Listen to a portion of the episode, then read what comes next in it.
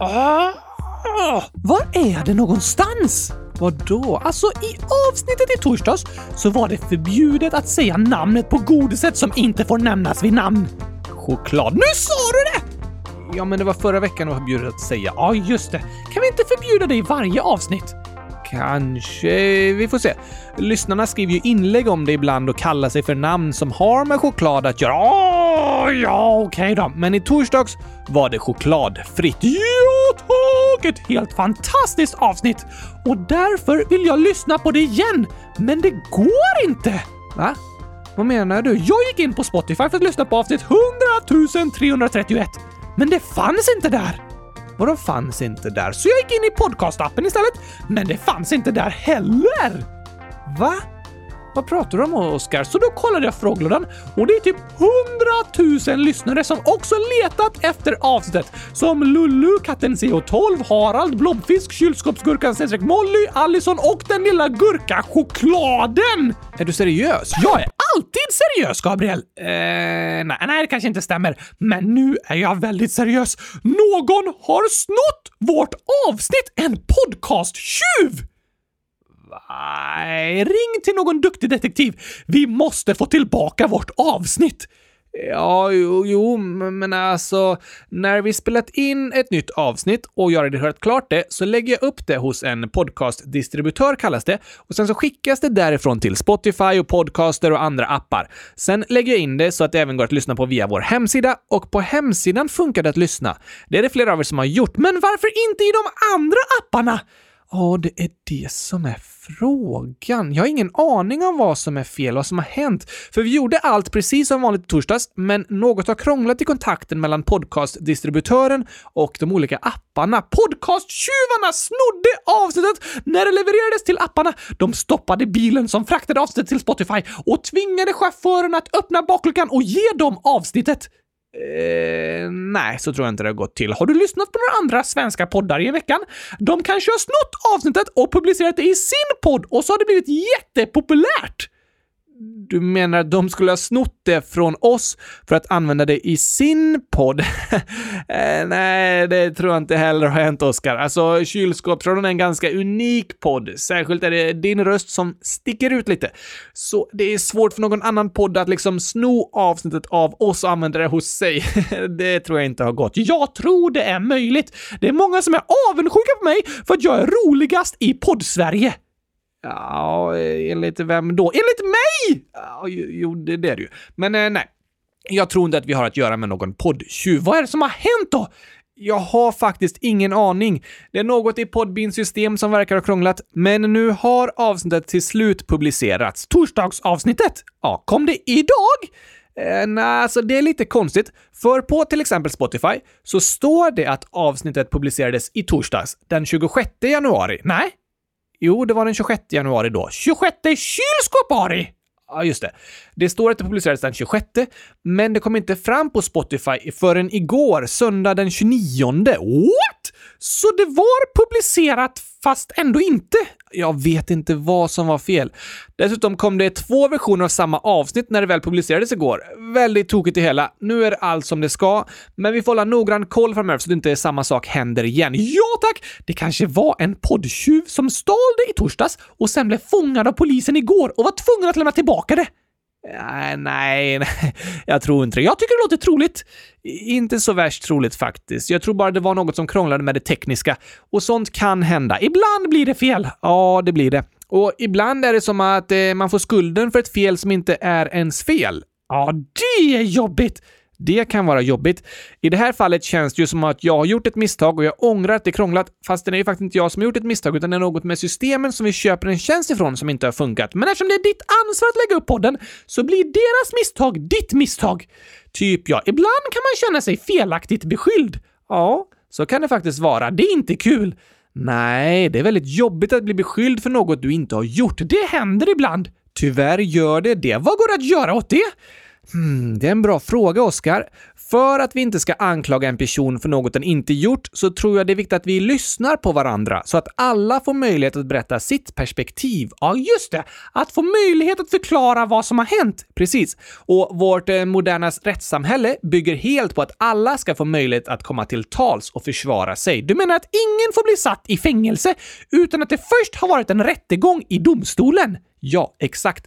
Det är viktigt med rättegångar för att inte fel personer ska bli anklagade och satta i fängelse. Det är hemskt att bli satt i fängelse för ett brott du inte har gjort! Det är väldigt hemskt och moderna rättssamhällen försöker utveckla så bra system som möjligt för att det inte ska kunna hända. Så det måste finnas bra bevis för anklagelser och domar. Ja, det måste det. Men även i andra fall, som bråk på skolgården eller med ett syskon, så är det också viktigt att alla får komma till tals och berätta sina perspektiv av situationen, av det som har hänt. Det har du rätt i! Det är viktigt att vi lyssnar på varandra och respekterar varandras olika perspektiv av situationen. För det kan hjälpa oss förstå varandra och inte vara lika arga på varandra. Sant! Det kan vara veckans reflektion. Att vi låter alla komma till tal så att vi lyssnar och respekterar det andra säger. Och att alla får chans att berätta sitt perspektiv om situation och ett bråk. Så att ingen blir oskyldigt anklagad utan får möjlighet att berätta sin syn på saken. Precis. Bra reflektion. Och tack för att ni lyssnade på mitt perspektiv av problemet med torsdagsavsnittet. Jag är väldigt ledsen för att det blev som det blev, men tyvärr kunde jag inte göra något åt det och jag är glad för att ni lyssnade på mig när jag förklarade vad som hade hänt. Jo tack! Men ändå bra att vi bad om ursäkt i avsnittet för att det var försenat. Ja, just det, det gjorde vi ju.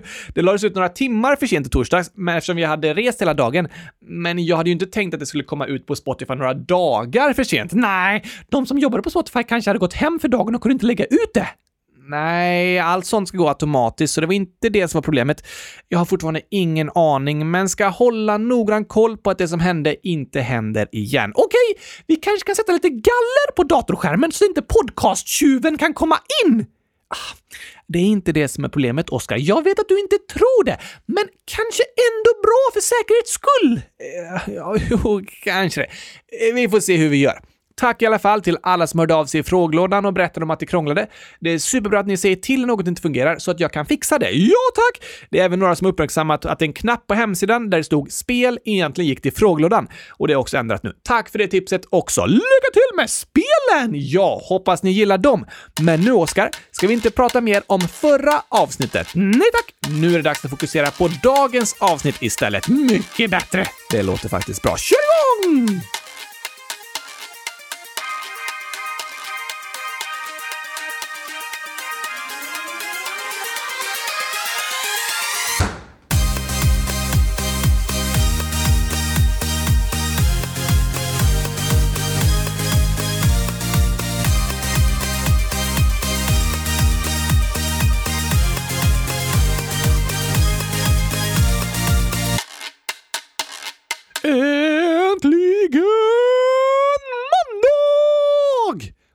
Äntligen avsnitt 100 332 av Kylskåpsradion. 30 kylskåpare idag! Ja, sista avsnittet i årets första månad. Oj, oj, oj! Och vi är faktiskt i Stockholm idag. Hej, hej alla som bor i Stockholm! Hej på er! Vad roligt att ni lyssnar på Kylskåpsradion och hej på alla andra som bor någon annanstans också! Ja, hej på er alla kära lyssnare. Vi är så glada för att ni finns och tycker så mycket om er. Ja, ja, ja, ja, tack! Men Gabriel, efter den eh, lite sorgliga inledningen med avsnittskrånglet ja, det kanske kan kallas för eh, sorgligt, så vill jag läsa upp något otroligt vackert som kommer få oss alla på bättre humör. Jaha, vad då en gurkadikt? Va? Är det sant? Ja tack, såklart! Jag berättar väl alltid sanningen, Gabriel? Eh, ja. Typ så här skriver Gurka-Lilly, 11 år. Jag har skrivit en kort dikt om gurkor. Åh, det låter ju fint alltså. Har du lite gurkamusik i bakgrunden?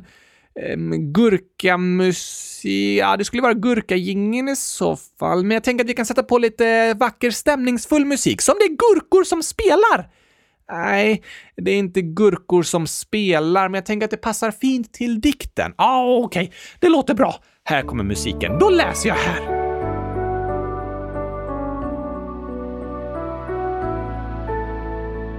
Nu i vinter, när det börjar mörkna, tänker jag på min gurka. Galer som en tupp får mig att på morgonen stiga upp. Den gröna färgen ger mig kraften att bestiga alla bergen. In i kylskåpet jag sträcker min hand. För när jag tar i gurkan känns det som att befinna mig på en vacker sandstrand. Utan vatten såklart. Hej då! Oj, så fint! Den vackraste dikten i hela världen ju! Ja, det kan tänka mig att du tycker, för det finns inte så många dikter om gurkor. Dikter om gurkor eller kylskåp är mina favoriter, såklart. Tack för ditt fina inlägg, Gurka-Lille. Vilket fantastiskt bra sätt att starta ett avsnitt på! Det tycker jag också. Nu kan vi gå vidare med vad helst du vill prata om, Gabriel. Då kan vi prata om chok... Vad som helst! jag skojar lite bara. Vi ska inte prata om godiset som inte får nämnas vid namn. Tack för att du kallar det Jag har tänkt att vi ska prata om något som lyssnarna vill att vi ska prata om. Det är alltid bra. Ja, visst är det. Och vi har ju flera omröstningar som ligger ute på hemsidan. Just det! Som utgår från de olika teman vi haft våra julkalendrar, nämligen länder, djur, historiska personer och spel. Ja, tack! Så idag tycker jag det passar att titta till en av dessa omröstningar och se vad lyssnarna önskar att vi ska prata om. Det låter bra tycker jag. För er som är nya i podden så har vi ett upplägg där vi i måndagsavsnittet har mer berättelser och så, och på torsdagar har vi frågeavsnitt. Ungefär. Det är inte hugget i gurka. hugget i sten är väl ändå uttrycket. Jag brukar säga säga hugget i gurka. Ja, såklart gör du det. Vad betyder ens det uttrycket? Jo, att något är hugget i sten betyder att det inte kommer att ändras. Just det! För om du skriver något genom att hugga det i en sten så går det liksom inte att sudda ut det med ett suddgummi sen. Nej, verkligen inte. Om du skriver en text genom att hugga ut bokstäverna i en sten, som människor gjorde förr i tiden, då kan den texten stå där i tusentals år. Coolt! Ja, det är väldigt häftigt. Och att ord och olika sorters information höggs in i sten för tusentals år sedan hjälper oss idag att lära oss om hur människor levde då och hur världen såg ut för länge sedan. Det har du rätt i! Jag tror jag ska hugga in något i sten som ska gå till historien. Aha. Vad vill du hugga in för ord eller information i sten? Hmm, kanske gurka plus glass lika med bäst i test. Fint medlande till framtiden, Oskar. Det är det viktigaste vi har att kommunicera till framtida generationer från dagens tid. Eh, ja, eh, för dig i alla fall. Men i alla fall så är det det det uttrycket betyder och oftast används det när den säger “det är inte hugget i sten”. Typ “vi har lite planer, men vi vet inte exakt hur det kommer att bli”. Precis, men det är väl inte så vanligt att hugga in planerna i sten, även om man vet exakt hur något kommer att bli. Nej, idag är det inte särskilt vanligt, så det används mest som uttryck, det är inte hugget i sten. Jag ska hugga i sten att kylskåpsradion kommer fortsätta med avsnitt i hundratusen år! Eh, det eh, får vi se, Oskar.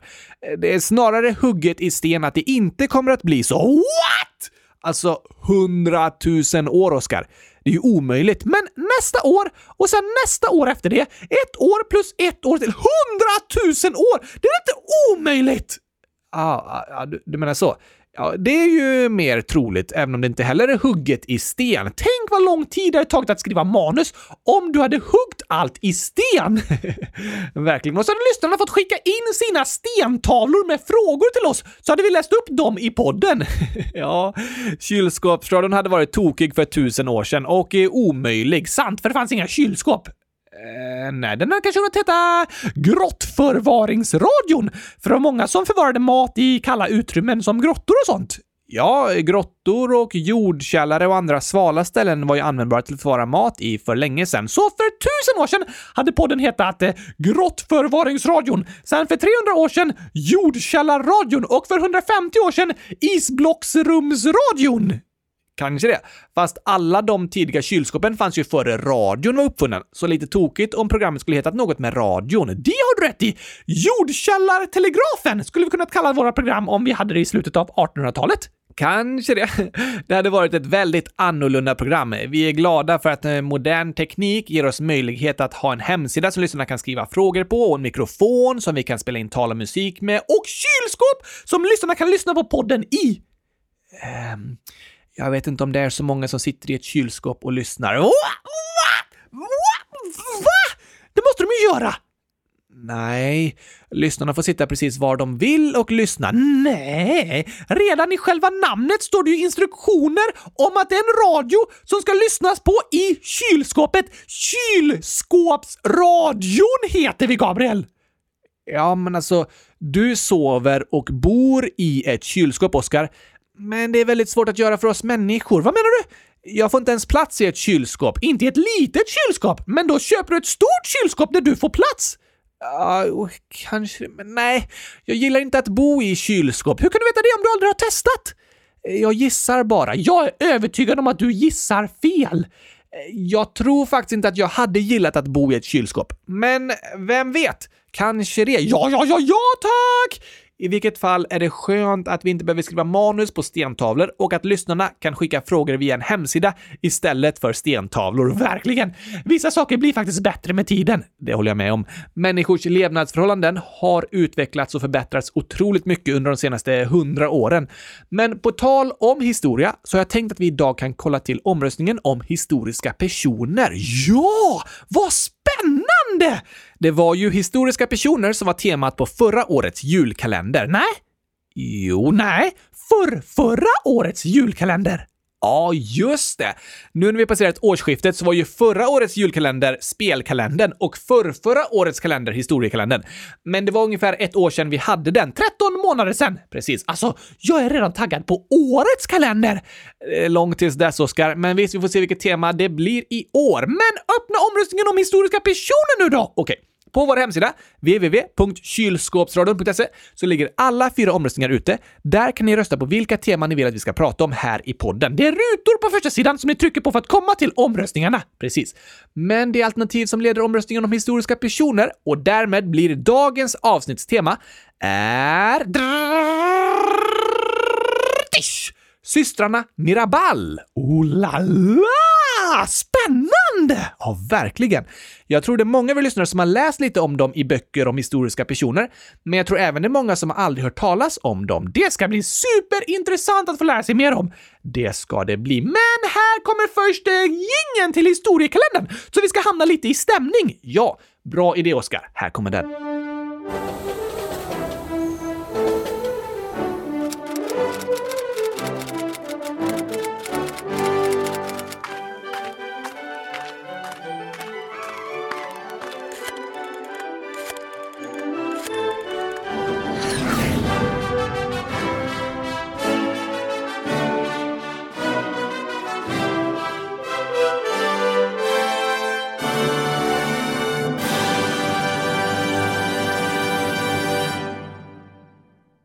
Innan vi kommer in på berättelsen om systrarna Mirabal tror jag det är bra att vi berättar lite fakta om landet som hon levde i. Vilket då? Dominikanska republiken. Det har vi aldrig pratat om! Nej, det har vi inte. Men jag tycker det är lite extra spännande att prata om det landet, för min bror och hans familj bor där. Va? Det är flera lyssnare, till exempel Jigglypuff 100 000 år och Elsa 8 år, som har frågat om du har några syskon, Gabriel? Ja, vilken fin fråga. Jag har många syskon faktiskt, inte lika många som jag. Har du några syskon? Eh, ja tack, flera hundratusen stycken. Alla handdockor är mina syskon. Just det, det brukar du säga. Men jag vet inte om de andra handdockorna håller med om att de är dina syskon. Vi är en stor familj! Okej. Okay. Jag kommer också från en stor familj, för jag har fyra syskon. Är ni fem barn? Precis. Jag har en storebror som heter Mikael, en storasyster som heter Jenny, en till storebror som heter Tobias och en lillasyster som heter Kajsa. Så du är nummer hundratusen! Eh, nej, nummer fyra i syskonskaran. Aha! Min äldsta bror är 11 år äldre än mig och min lillasyster två år yngre. Okej. Okay. Och min andra storbror Tobias, som är fyra år äldre än mig, han bor på Dominikanska republiken med sin familj. Är du farbror? Ja. Eftersom jag har flera syskon som är många år äldre än mig har jag varit farbror och morbror i ganska många år nu. Låter lite gammalt! Farbror Gabriel! ja, det gör det kanske. Men jag blev morbror första gången redan när jag var 16 år. Alla familjer ser ju olika ut och vissa personer kan fortfarande vara barn när de blir morbror, moster, faster och farbror. Fast det går i alla fall inte att bli farfar när du är 12 år. Nej, det går inte. Men var ligger Dominikanska republiken någonstans? Den ligger på den näst största ön i Karibien. Ah, de där öarna som ligger i havet mellan USA och Sydamerika. Precis. Den största ön där är landet Kuba. Det känner jag igen. Sen finns där andra öar som Jamaica, Bahamas och Puerto Rico. Ah, och ön som Dominikanska republiken ligger på heter Hispaniola och de delar den ön med ett annat land som heter Haiti. Okej, okay. ungefär två tredjedelar av ön tillhör Dominikanska republiken och sista tredjedelen tillhör Haiti. Är det två väldigt lika länder eftersom de ligger på samma ö? Ja och nej. Klimatmässigt och så påminner de ju om varandra och de har liknande natur med både höga berg och underbart vackra stränder. Men på andra sätt är det faktiskt två väldigt olika länder, särskilt med tanke på hur nära varandra de ligger. I Dominikanska republiken pratar de spanska och i Haiti pratar de franska. Det är det enda huvudsakligen fransktalande landet i Amerika. Aha! Och den första självständiga nationen i Latinamerika. Haiti är det enda landet som har nått självständighet genom ett framgångsrikt slavuppror. Wow! Så de som var förslavade blev fria? Ja, precis.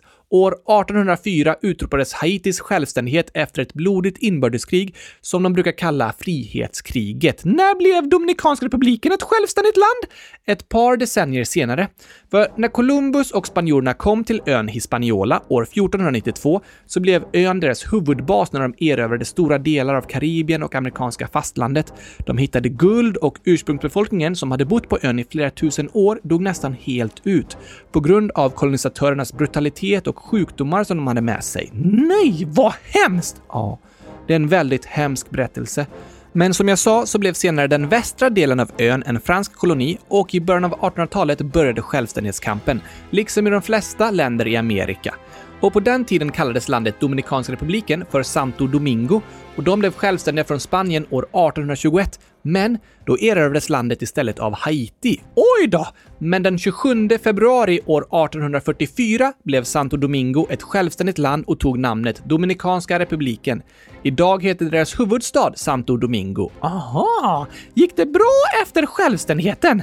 Nej, det var en fortsatt svår tid för landet under mer än hundra år.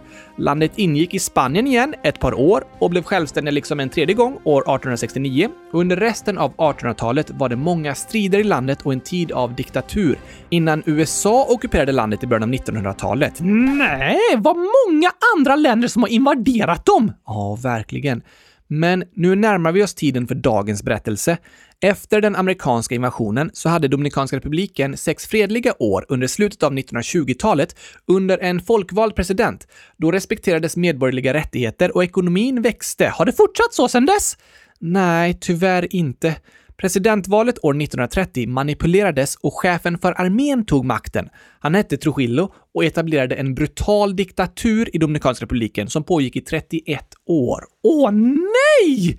Och liksom alla diktatorer så gjorde han vissa saker som vissa människor tyckte om. Är inte en diktator hatad av alla invånare? Nej, alla diktatorer genom historien har haft ett visst stöd bland befolkningen. Om de hade varit hatade av alla hade de aldrig kunnat sitta kvar. Ja, Och det är viktigt att förstå när vi pratar om diktaturer. Det är också därför söner och döttrar till gamla diktatorer idag börjar komma tillbaka och vinna demokratiska val i många länder. Oj då! En diktatur är omtyckt av delar av befolkningen, för det finns många invånare som gynnas av diktatorns politik, men det finns andra delar av befolkningen som förtrycks med brutala metoder. Ah, i de flesta diktaturer finns ingen yttrandefrihet, så om du inte tänker likadant som de som bestämmer så är du i en utsatt situation och kan bli förföljd och fängslad. Oj då! Men om du liksom står på samma sida som diktatorn och tillhör en grupp av befolkningen som gynnas av diktaturen, då kan du stötta diktatorn trots att det inte är en person som är demokratiskt vald. Klurigt! Verkligen. Och Trujillo i Dominikanska republiken var en tyrannisk diktator som såg sig själv som den enda som bestämde. Han döpte till och med om huvudstaden till Ciudad Trujillo, som betyder Trujillos stad, och det högsta berget döpte han till Pico Trujillo. Oj då! Han förtryckte och mördade sina politiska motståndare och snodde åt sig mycket av landets rikedomar, vilket gjorde honom till en av världens rikaste människor. Hans regim präglades även av en rasistisk politik med massmord på haitier som bodde på den dominikanska sidan av ön. Vad fruktansvärt! Ja. Det var otroligt hemskt. Uppåt 30 000 människor dödades på sex dagar i något som kallas för Persilja-massakern. Hur kunde någon stötta honom efter det? Ja du Oskar, det är en bra fråga. Det var under samma år som nazismen i Tyskland och fascismen i Italien etablerades, som också var regimer som präglades av fruktansvärda folkmord. Grupper av människor pekades ut som nationens fiender och beskylldes för allt som var dåligt i landet, vilket skapade rasistiskt hat. Fruktansvärt! Ja. Dessutom var det svårt för invånarna att veta vad som faktiskt pågick. Det fanns inga fria medier och de som styrde landet använde propaganda för att styra vilken bild folket hade av landets ledare. Hur då? De bestämde vad som stod i tidningarna och till och med vad som undervisades i skolan. Så redan från ung ålder kunde barn få lära sig rena lögner om hur bra diktatorn Trujillo var och hur han räddade landet. Oj då! Och mitt ibland allt hemskt förtryck så hade landet en ekonomiskt stabil period, vilket gjorde att fler människor fick det lite bättre. Och det leder också till att fler stöttar diktatorn och väljer att se mellan fingrarna på det brutala styret. Vadå se mellan fingrarna? Att se mellan fingrarna betyder liksom att du vet att något är fel, men du väljer att inte se det. Aha, du ser handen men väljer att titta mellan fingrarna och se förbi handen istället för att titta på handen. Ja, precis. Så du typ låtsas som att du inte ser det som händer. Ja, det kan man säga. Och när ett land går bra ekonomiskt så finns det större tendenser bland befolkningen att se mellan fingrarna angående politiskt förtryck. Alltså, varför bryr sig människor så mycket om hur det går rent ekonomiskt? Bryr sig inte människor om något annat än att tjäna pengar, eller? Ja du Oskar, så kan det ju verka. Och så är det till viss del. Många människor fokuserar på hur mycket pengar de kan tjäna i olika situationer och låter det styra deras liv. Men att ett land går bra ekonomiskt handlar inte bara om att människor blir rika eller inte. Det handlar nästan ännu mer om människor blir fattiga eller inte. Aha! Det finns många exempel i historien på diktaturer som har utövat ett fruktansvärt politiskt förtryck av motståndare, samtidigt som miljontals människor har lyfts ur extrem fattigdom och kunnat överleva tack vare diktatorns styre. Det har du rätt i. Här i Sverige har vi aldrig haft en diktator i modern tid, så vi kan ofta ha svårt att förstå hur det kan finnas någon som stöttar en diktator. Men ofta är det en komplex situation där vissa människor har förtryckts medan andra har främjats, till exempel genom att kunna ta sig ur extrem fattigdom och därför börjat stötta diktatorn. Så om många människor blir räddade från extrem fattigdom, tycker du det är okej okay att en diktator utövar tyranniska metoder och förtrycker och mördar politiska motståndare? Nej, självklart inte. Men det är ett perspektiv som kan hjälpa oss förstå varför det på samma gång finns vissa människor som tycker om och vissa som hatar en diktator. Sant! Men jag vill kämpa för ett politiskt styre där mänskliga rättigheter respekteras, inga människor förtrycks och alla får vara med och bestämma. Det låter bra! Det gör det ju. Men i Dominikanska republiken styrde den tyranniska diktatorn Trujillo i 31 år. Samtidigt som regeringen byggde skolor, sjukhus och vägar och fler människor fick ett hem att bo i, så utövades ett fruktansvärt förtryck av politiska motståndare där mord och tortyr var återkommande. Hemskt! Ja, verkligen. Och mot slutet av Trujillos våldsregim så gör dagens huvudpersoner entré. Systrarna Mirabal! Precis, vi sätter oss i tidsmaskinen och åker bakåt i tiden för att höra deras berättelse. Det låter bra, Oskar. Ska se vilken knapp jag ska trycka på. Um, här! Där är den! Då kör vi!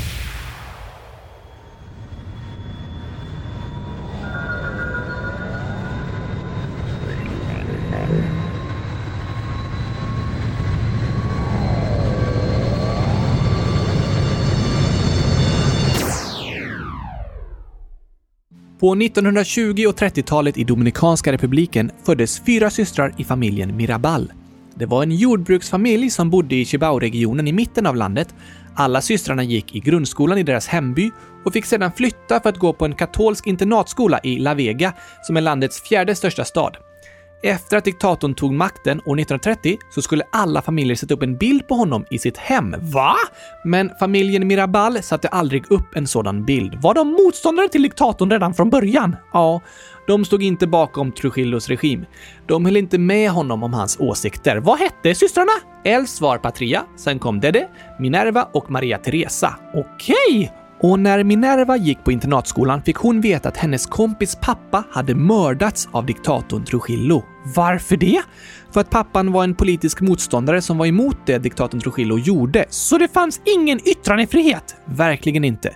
Och den händelsen, tillsammans med många andra liknande händelser, fick Minerva att börja engagera sig i kampen mot diktaturen. Några år senare var hennes familj inbjuden till en fest med högt uppsatt folk i hennes hemstad och dit kommer även Trujillo. Oj då! Och han tycker om Minerva och försöker flörta med henne. Hon berättar för honom att hon vill studera juridik, men han påstår att universitetet inte är en plats för kvinnor. Han fortsätter flörta med henne, men Minerva är inte intresserad och enligt vissa källor ger hon Trujillo en örfil. Va? Det är svårt att veta exakt vad som hände, men i alla fall så har hon avvisat diktatorn och hennes föräldrar är oroliga för att det ska drabba henne på hemska sätt. Minerva ber dem om att få börja på universitetet, men hennes föräldrar säger nej, rädda för att hon ska bli involverad i politik och senare mördad. Jag förstår ändå att de är rädda, även om jag samtidigt önskar att hon ska få gå på universitetet. Ja, jag håller med dig. Såklart vill föräldrarna inte att något hemskt ska hända deras dotter, men Minerva är väldigt upprörd och efter flera års diskuterande ger föräldrarna till slut med sig och Minerva börjar studera på universitetet i huvudstaden. Hon går ut med toppbetyg och blir den första kvinnan i landet att utbilda sig till jurist. Bra jobbat! Verkligen! Men diktator Trujillo har fortfarande ögonen på henne och så fort hon har fått sin examen så tas utmärkelserna bort från hennes diplom och hon blir av med sin licens att utöva juridik. Nej, så hon var utbildad advokat, men hon förbjöds direkt att börja jobba med det. Ja, de tog i princip bort hennes utbildning från henne. Och inte bara det. Hon hade arresterats flera gånger av Trujillos män och blivit trakasserad på olika sätt på Trujillos order. Oj då! Men på universitetet träffade hon sin man Manolo som började hjälpa henne i kampen mot Trujillos regim och med tiden drog hon även in två av sina systrar. Aha! Först Maria Teresa, som bodde ett tag hemma hos Minerva och då fick veta vad hennes stora syster höll på med. Senare anslöt sig även den äldsta systern Patria till motståndskampen efter att hon med egna ögon sett en massaker som Trujillos män genomfört. Vad hemskt! Ja. Patria hade tre barn och sa vi kan inte tillåta våra barn att växa upp i denna korrupta och tyranniska regim. Vi måste kämpa mot den och jag är villig att ge upp allt, även mitt liv om det behövs. Det var starka ord, visst var det och hela familjerna engagerade sig i kampen mot diktaturen. Minerva, Maria Teresa och Patrias män var med och startade 14 juni-rörelsen som var döpt efter dominikanska emigranter som invaderat landet från Kuba och sedan torterats och dödats den 14 juni 1959. Även Patrias tonåriga barn var med och delade ut informationsblad som berättade för invånarna i landet om hur många människor som diktatorn Trujillo hade dödat. Så det var en kamp om information? Ja. I en diktatur handlar ofta motståndsrörelsen om en kamp om information, för regimen har förbjudit och censurerat fria medier och bestämmer själva vad befolkningen får höra. Så det var många som inte ens kände till allt det hemska Trujillo gjorde. Oj då! Men systrarna Mirabal var i centrum för en underjordisk motståndsrörelse och kallade sig själva för Las Mariposas. Vad betyder det? Fjärilarna.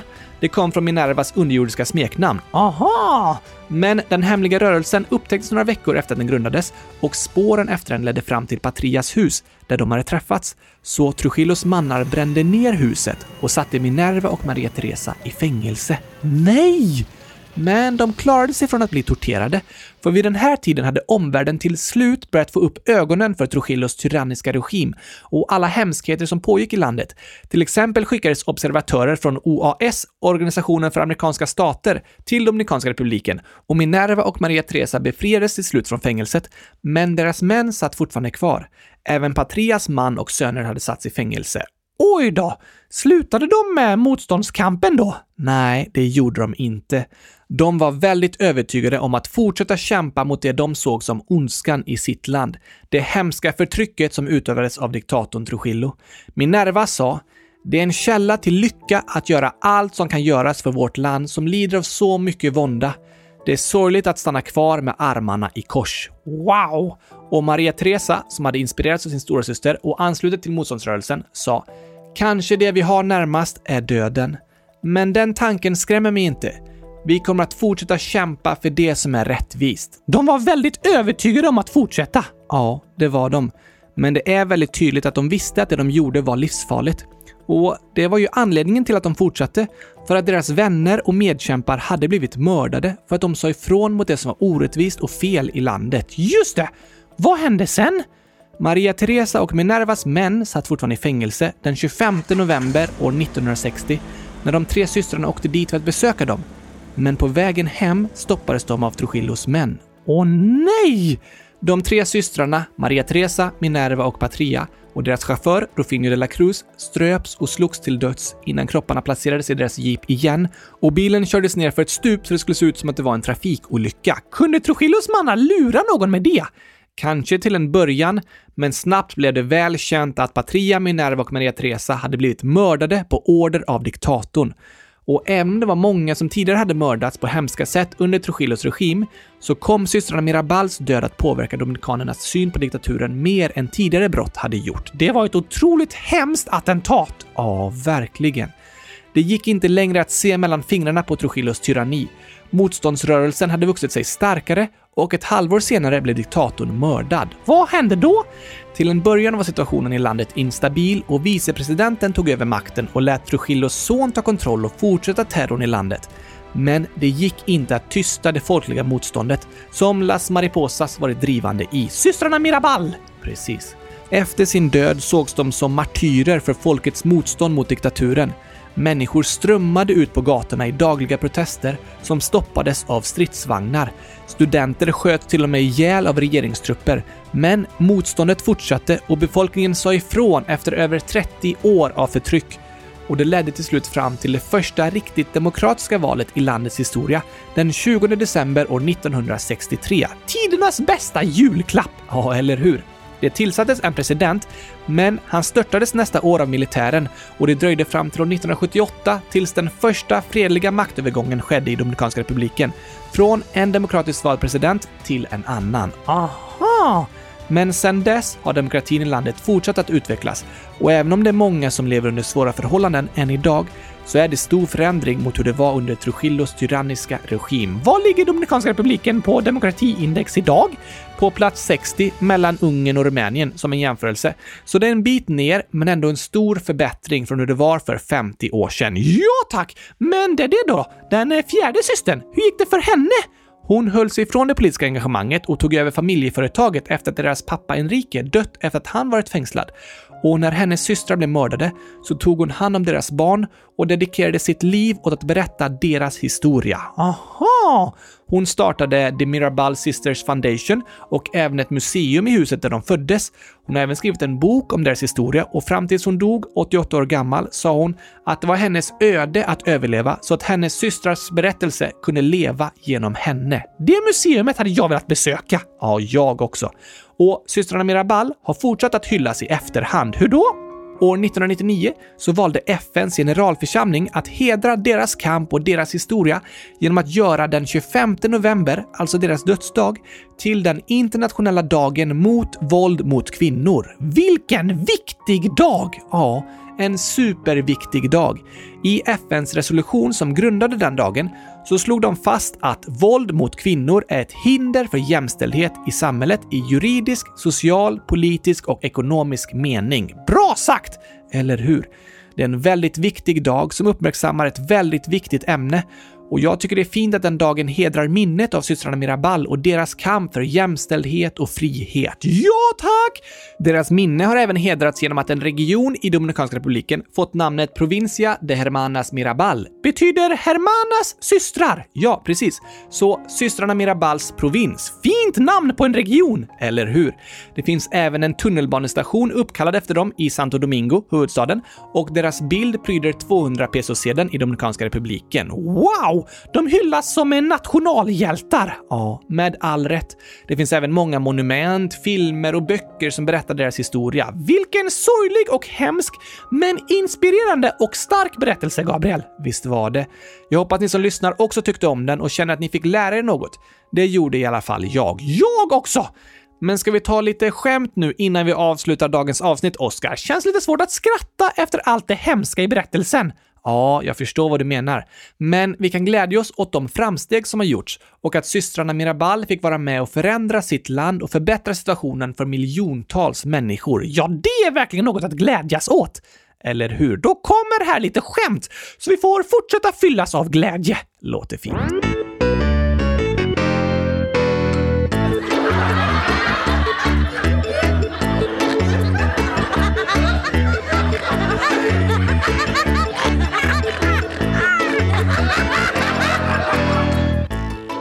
Skriver Angelo GCJ 7 år. Oskar, jag är också riktigt rolig.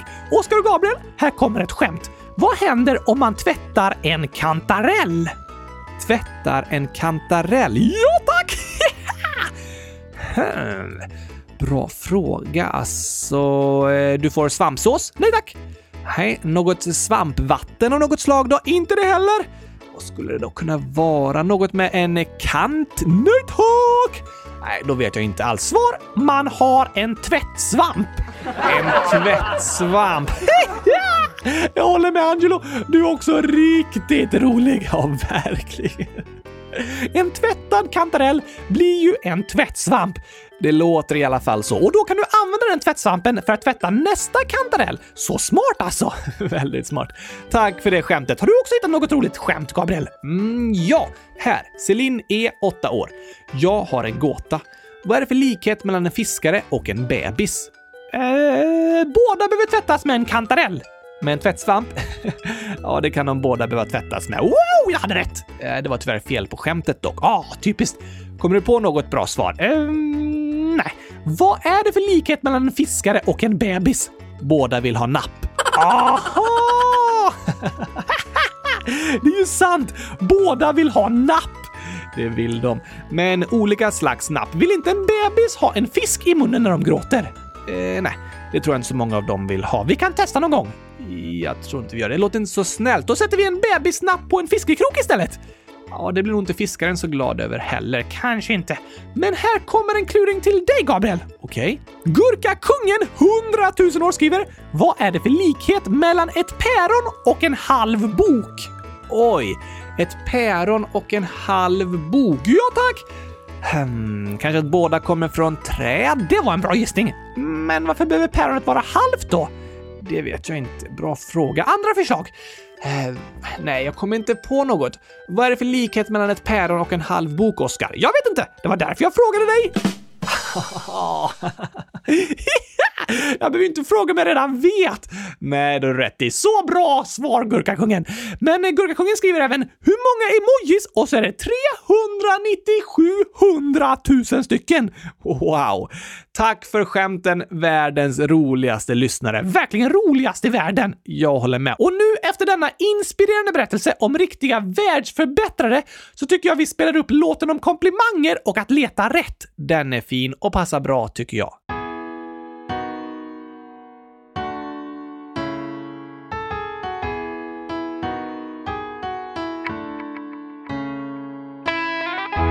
Handlar den här sången om, Gabriel? Den här handlar om att vi ska bli ännu bättre på att ge varandra komplimanger och uppmuntra varandra. Ja tack, det är bra grejer!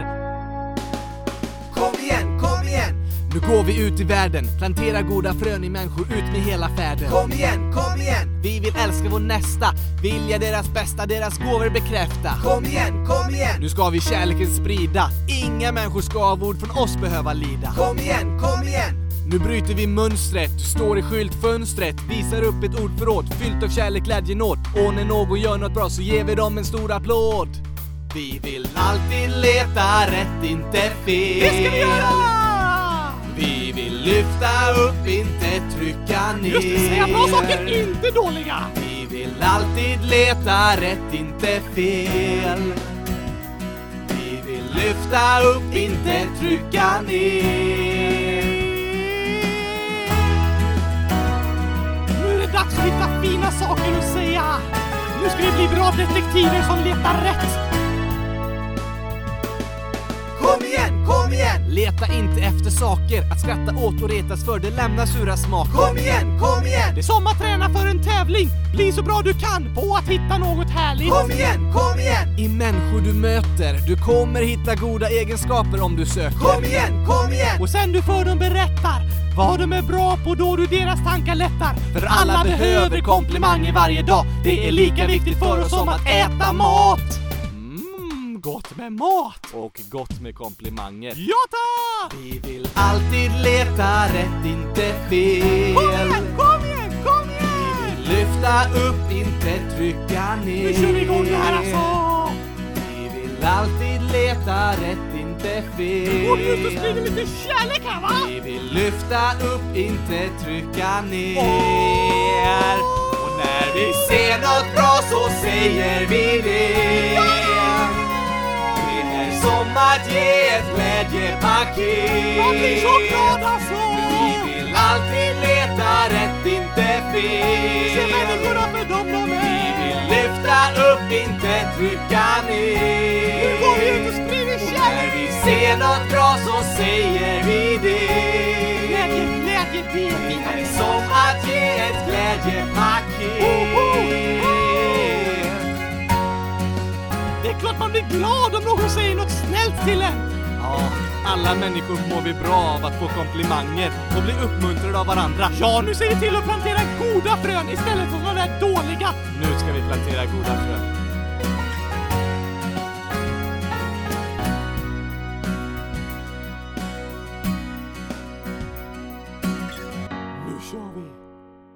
Vilket spännande och intressant och hemskt och sorgligt men inspirerande avsnitt, Gabriel! Ja, visst var det.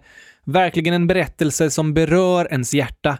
Systrarna Mirabal kan både inspirera och lära oss mycket om världen. Tack till alla som har röstat i omröstningen. Gå gärna in och rösta igen så att vi får fortsätta prata om de teman ni önskar här i podden. Ja, tack! Men innan vi avslutar för idag så ska vi skicka några avslutande hälsningar. Woho! Gurka 99 plus ett år, alltså 100 000 år! Ja, det var helt rätt Oskar. Oh, Jag gissar!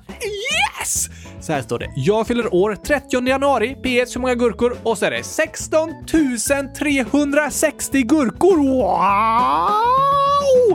Det är många. Hoppas du får äta alla dem på din födelsedag. Gurka 100 000.